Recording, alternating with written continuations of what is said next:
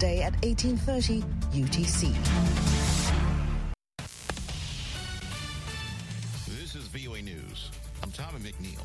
Israel and Hamas played down chances of an imminent breakthrough in talks with a ceasefire in Gaza.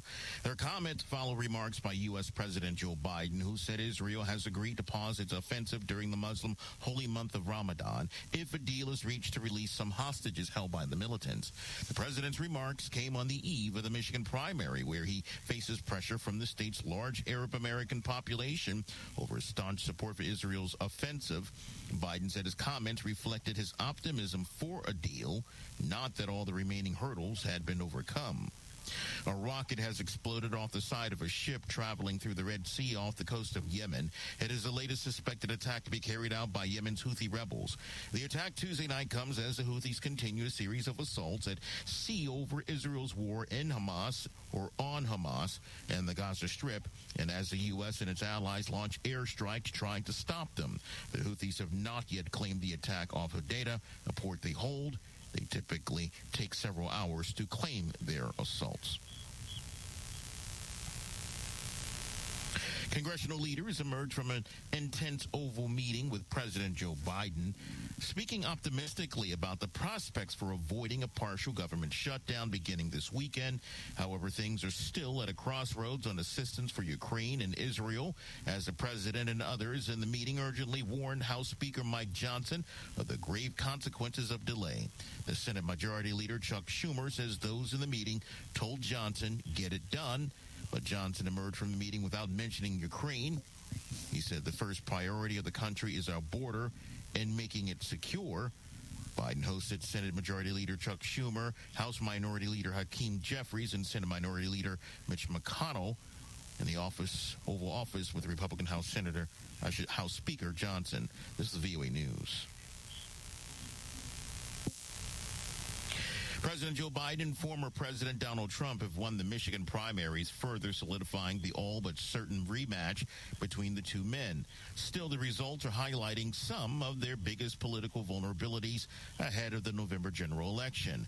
A vigorous, uncommitted campaign organized by activists disillusioned with Biden's handling of the war in Gaza far surpassed the 10,000 vote goal set by organizers. As for Trump, he has now swept the first five states on the Republican primary calendar, but Trump continues to struggle with some influential voter blocs who have favored former UN Ambassador Nikki Haley in previous contests. Rapidly expanding Texas wildfires fueled by surging winds have prompted evacuation orders for several towns and shut down a nuclear facility in the state's rural panhandle. The Texas A&M Forest Service said Tuesday that the largest fire had already burned nearly 400 square miles. It remains 0% contained as of Tuesday afternoon.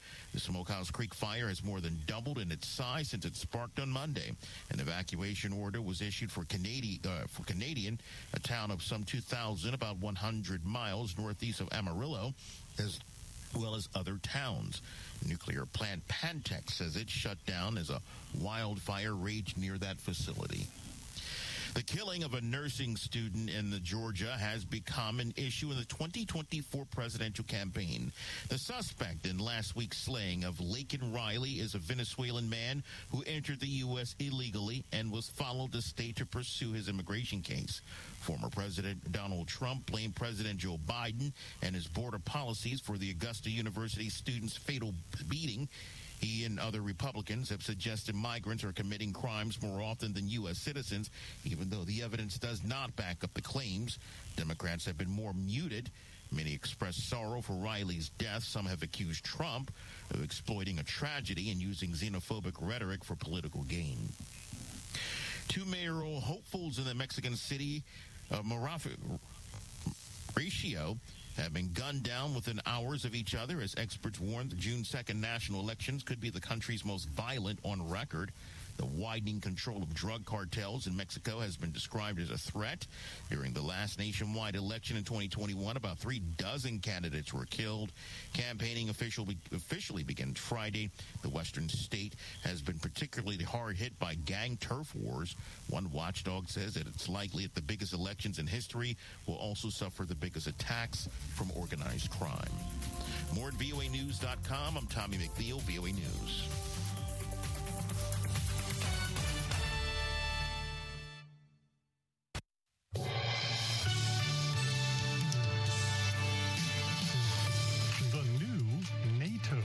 It's a guns butter problem. It's a guns butter trade off where a lot of countries want to be able to talk a good talk about NATO leadership, but then actually spend the money on butter. Half a million people in Gaza are one step away from famine, according to the UN. Gaza is seeing the worst level of child malnutrition anywhere in the world.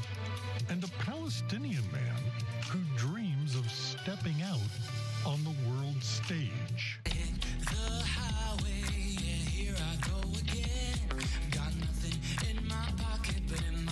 There's a burning flame. Today is Wednesday, February 28th, and this is VOA's International Edition. I'm Scott Walterman.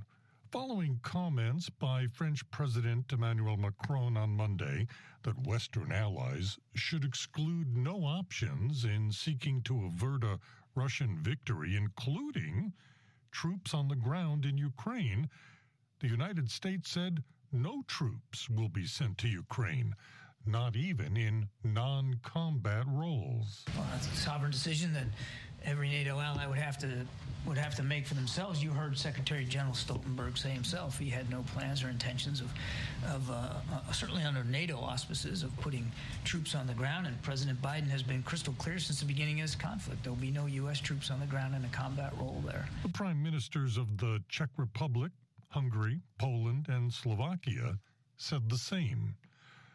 Now that NATO has admitted its 32nd member, Sweden, well, look at how much NATO has changed. Joining us now to talk about the new NATO is Jesse Driscoll, an associate professor of political science and chair of the Global Leadership Institute at the University of California, San Diego. I think that what we're seeing is a transformation of uh, the European continent, and it's it's being focused uh, not by the EU but by NATO, right? Well, the EU and NATO obviously nest together. They're mutually reinforcing projects. And, you know, NATO precedes the EU and the uh, dilemmas of running a consensus organization on security have been studied for many decades, but it's not going anywhere and the demand by countries that were formerly neutral to be part of this security alliance, uh, the security community, whatever you want to call it, um, has grown since Russia's invasion of Ukraine. Obviously, Ukraine um, wants to join it, and that's stated in their constitution. And in many ways, that's at the center of the entire bargaining problem with Russia. Russia wants less NATO.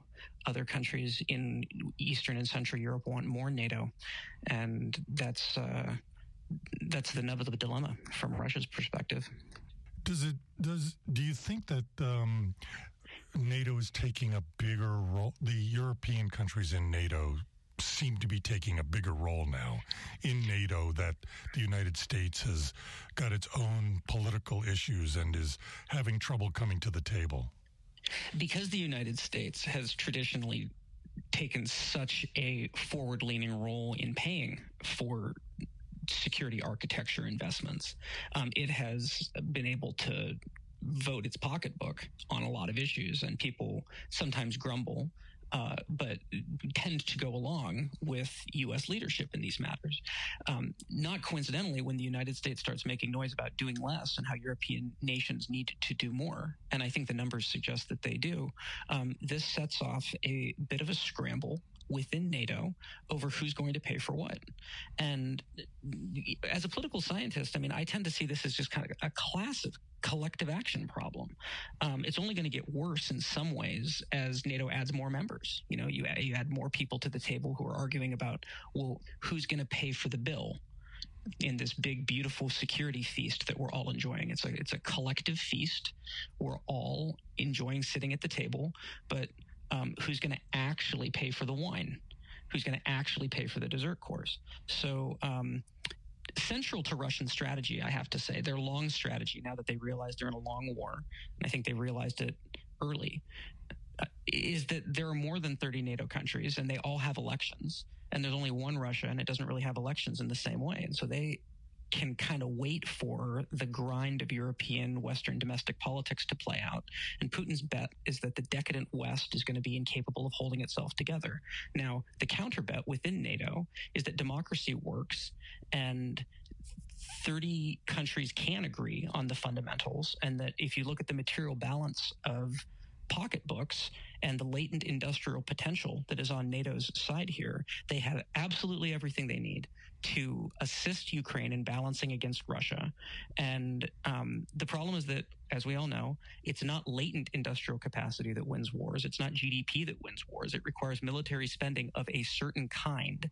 And it's a guns butter problem. It's a guns butter trade off where a lot of countries want to be able to talk a good talk about NATO leadership, but then actually spend the money on butter and not guns because security spending is inherently wasteful. It doesn't go in, doesn't go anywhere. And so everyone wants someone else to do the hard work of supplying Ukraine with weapons to defend itself. And what they really want is for the United States to do it. Um, but as the United States makes noise about how we can't do it forever, things get more intense. So that's Russia's bet is that those distributional consequences are going to be too much strain for the West. And I'll bet that Russia's wrong about that. But of course, that's what I'd say. I'm an American. Jesse Driscoll, an associate professor of political science and chair of the Global Leadership Institute at the University of California, San Diego. Now, in light of that conversation, still no movement on the $60 billion in aid for Ukraine from the United States. There was a meeting at the White House on Tuesday with the president and congressional leaders. We get details on that now from VOA's congressional correspondent, Katherine Gypson. As Ukrainians bury their dead and mark the second anniversary of the Russian invasion, a warning from the President of the United States to U.S. lawmakers. I think the consequences of inaction every day in Ukraine are dire.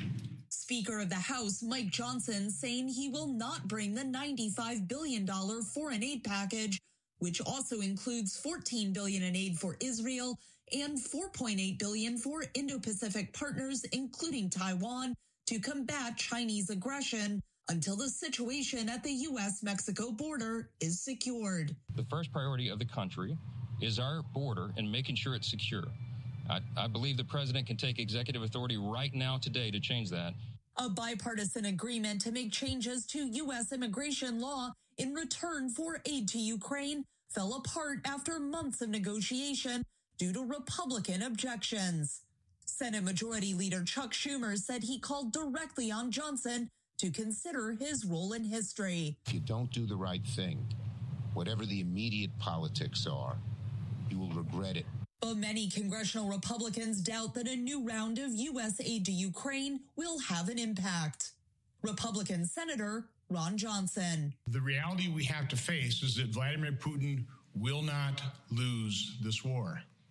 Democrats do have the option of using a procedural maneuver to bypass Republicans, directly bringing the foreign aid bill up for a vote on the House floor.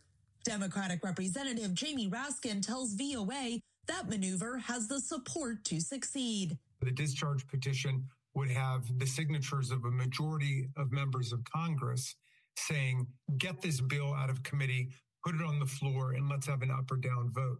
House lawmakers come back into session Wednesday, but will immediately have to work on funding the U.S. government past the March 1st and 8th deadlines. Katherine Gypson, VOA News. The U.S. military has been forced to dip into its own funding to cover American training of Ukrainian forces, a, a strategy that could leave the U.S. short on finances in Europe as the Russian war on Ukraine enters its third year.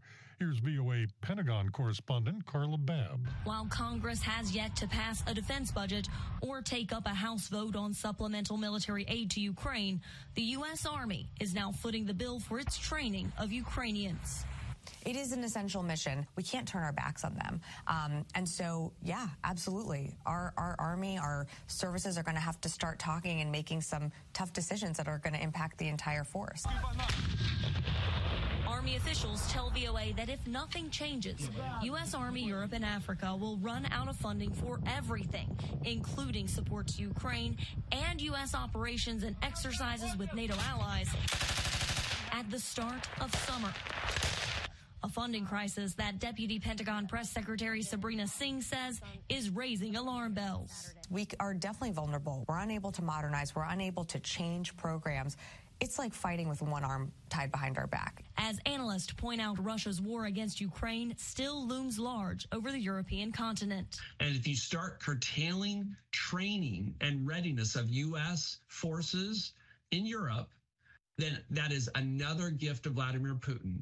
A gift that Army veteran and former Capitol Hill staffer Brad Bowman says will encourage further aggression from Russia and come at a far higher price than the current budget or foreign aid supplementals. It's it's providing Ukraine weapons today so we don't have to have Americans giving their lives tomorrow. It's really that simple. Ukraine's foreign minister recently told CNN that Ukraine would not have lost the city of Avdiivka, where Kiev's forces recently withdrew, had Ukraine received all the artillery ammunition that was needed to defend it. Do you agree with his assessment? I do. Uh, Avdiivka was a uh, strategic withdrawal, but that was a withdrawal because of congressional inaction. There is a direct link. This is the fifth straight month that the Pentagon has operated without a full budget, and it has not sent a new round of military aid to Ukraine since late December. Reporting at the Pentagon, I'm Carla Babb, VOA News.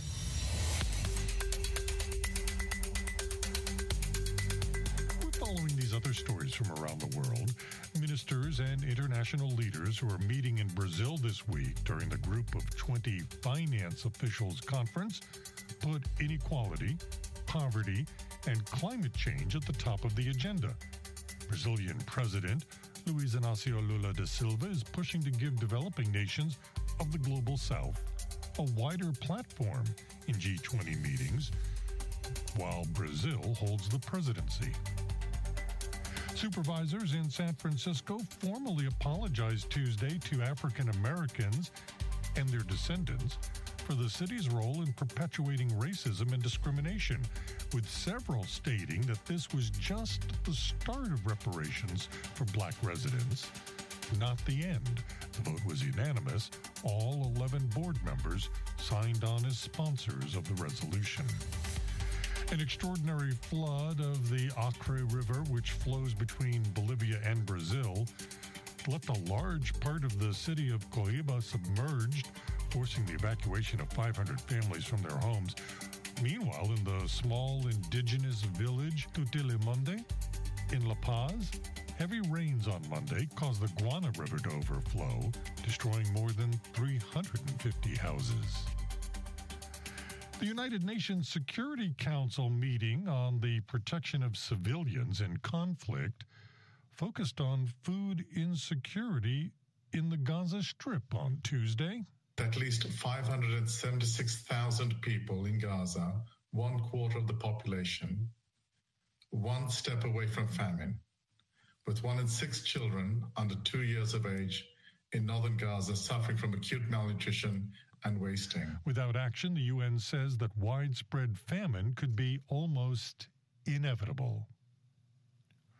Israel and Hamas are inching towards a new deal that would free some of the roughly 130 hostages held in the Gaza Strip in exchange for a weeks long pause in the war. U.S. President Joe Biden says a deal could go into effect as early as Monday, ahead of what is seen as an unofficial deadline, the start of the Muslim holy month of Ramadan around March 10th.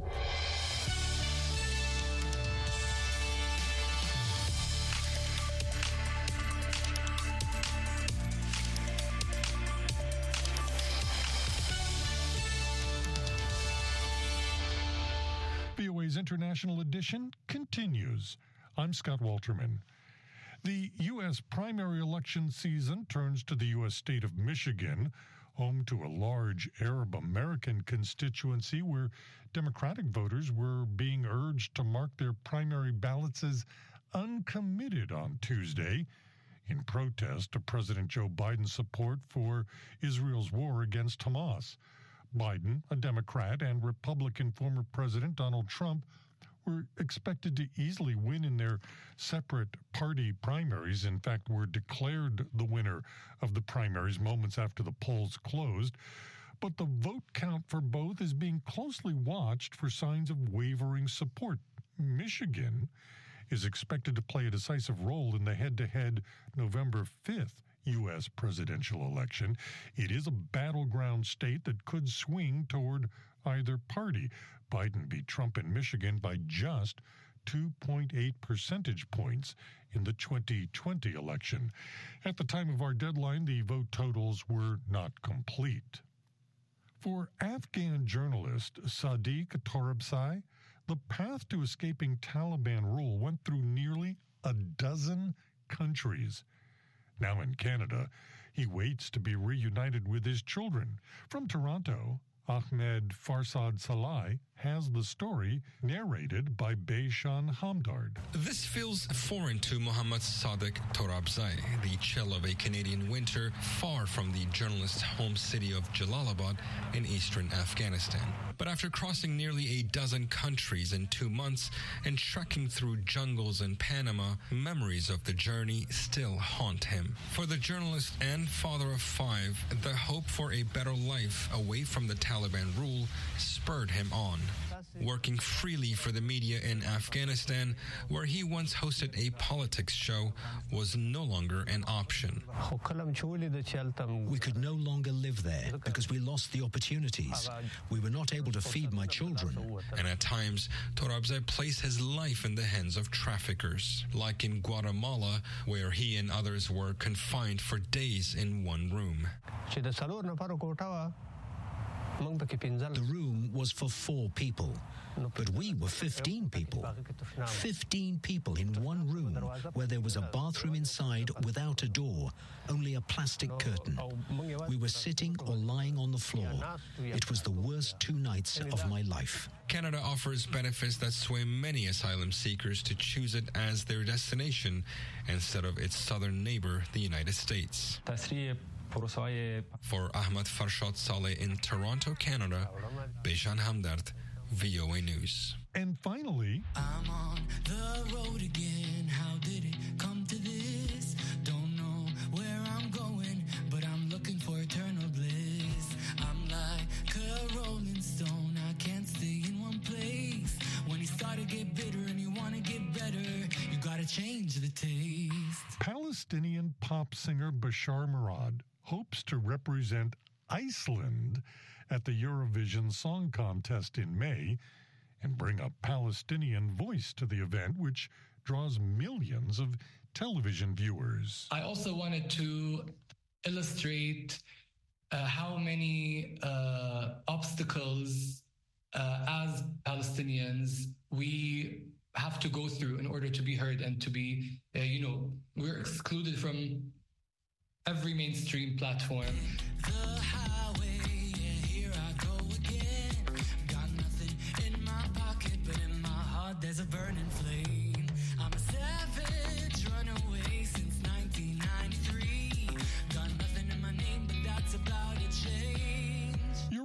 Which this year takes place May 7th through the 11th in the Swedish city of Malmo, bills itself as a non political event and can even disqualify those it thinks is in breach of this rule. However, the global political backdrop is frequently weighed by the audience. The contest will take place amid protests and boycotts over the Gaza war that have affected cultural events across Europe. Iceland will choose its contestant on Saturday, with Murad competing in the national final with a song co written by Einar Stefansson of Icelandic band Hatari, known for raising a banner showing Palestinian flags during the 2019 Eurovision.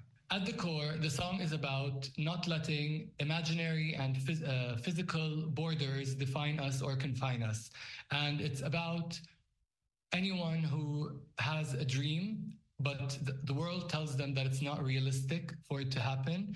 And that person feels like all the odds are stacked against them. But uh, in the song, I'm just saying, despite all of this, I'm going for it.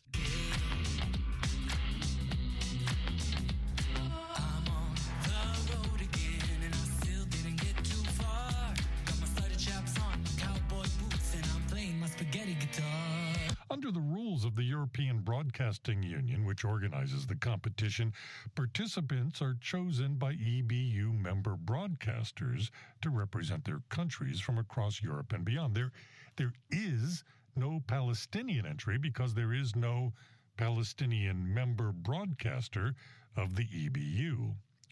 Murad, who was born in and lives in Jerusalem, said it was difficult to learn the song in Icelandic, but he saw some similarities to the Arabic language. Uh, it is a difficult language, but it's also beautiful, and um, I. Uh, I saw I see a lot of similarities also in the Arabic language of like the subtle nu- nuances. Um, so yeah, uh, it's been also part of this journey of like immersing myself into the culture. His entry, Wild West, tells the story of challenging boundaries and chasing dreams against all the odds. Cause I'm going to the wild, wild west where the only rest is for the wicked.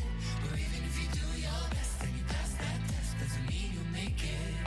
Going to the wild, wild west, cause it's the best place for business. Got a This has been International Edition on the Voice of America.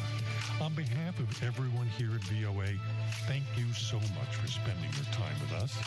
For pictures, stories, videos, and more, follow VOA News on your favorite social media platform and online at voanews.com.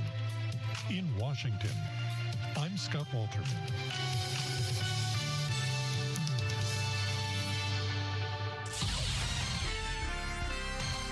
Next, an editorial reflecting the views of the United States government. The federal government of Somalia has achieved significant progress in its push toward a stable, safe, and prosperous country, according to the United Nations. On the economic front, the International Monetary Fund and the World Bank approved in December Somalia's completion point under the enhanced Heavily Indebted Poor Countries Initiative. That means Somalia reduced its external public debt from $5.3 billion at the end of 2018 to $600 million by the end of last year. The completion point was achieved through the implementation of a series of reforms during the past several years, and Somalia can now access new external financing to help accelerate economic growth, improve social conditions, and raise its people out of poverty. Somalia was also admitted into the East African Community, a regional and intergovernmental organization, and the country advanced its constitutional reforms agenda. The United States congratulates Somalia on its recent economic progress, including admission into the East African community and on attaining the heavily indebted Poor Countries Initiative completion point, said Robert Wood, alternate U.S. representative for special political affairs at the United Nations. We are hopeful these developments will facilitate more rapid economic growth and opportunity for the people of Somalia.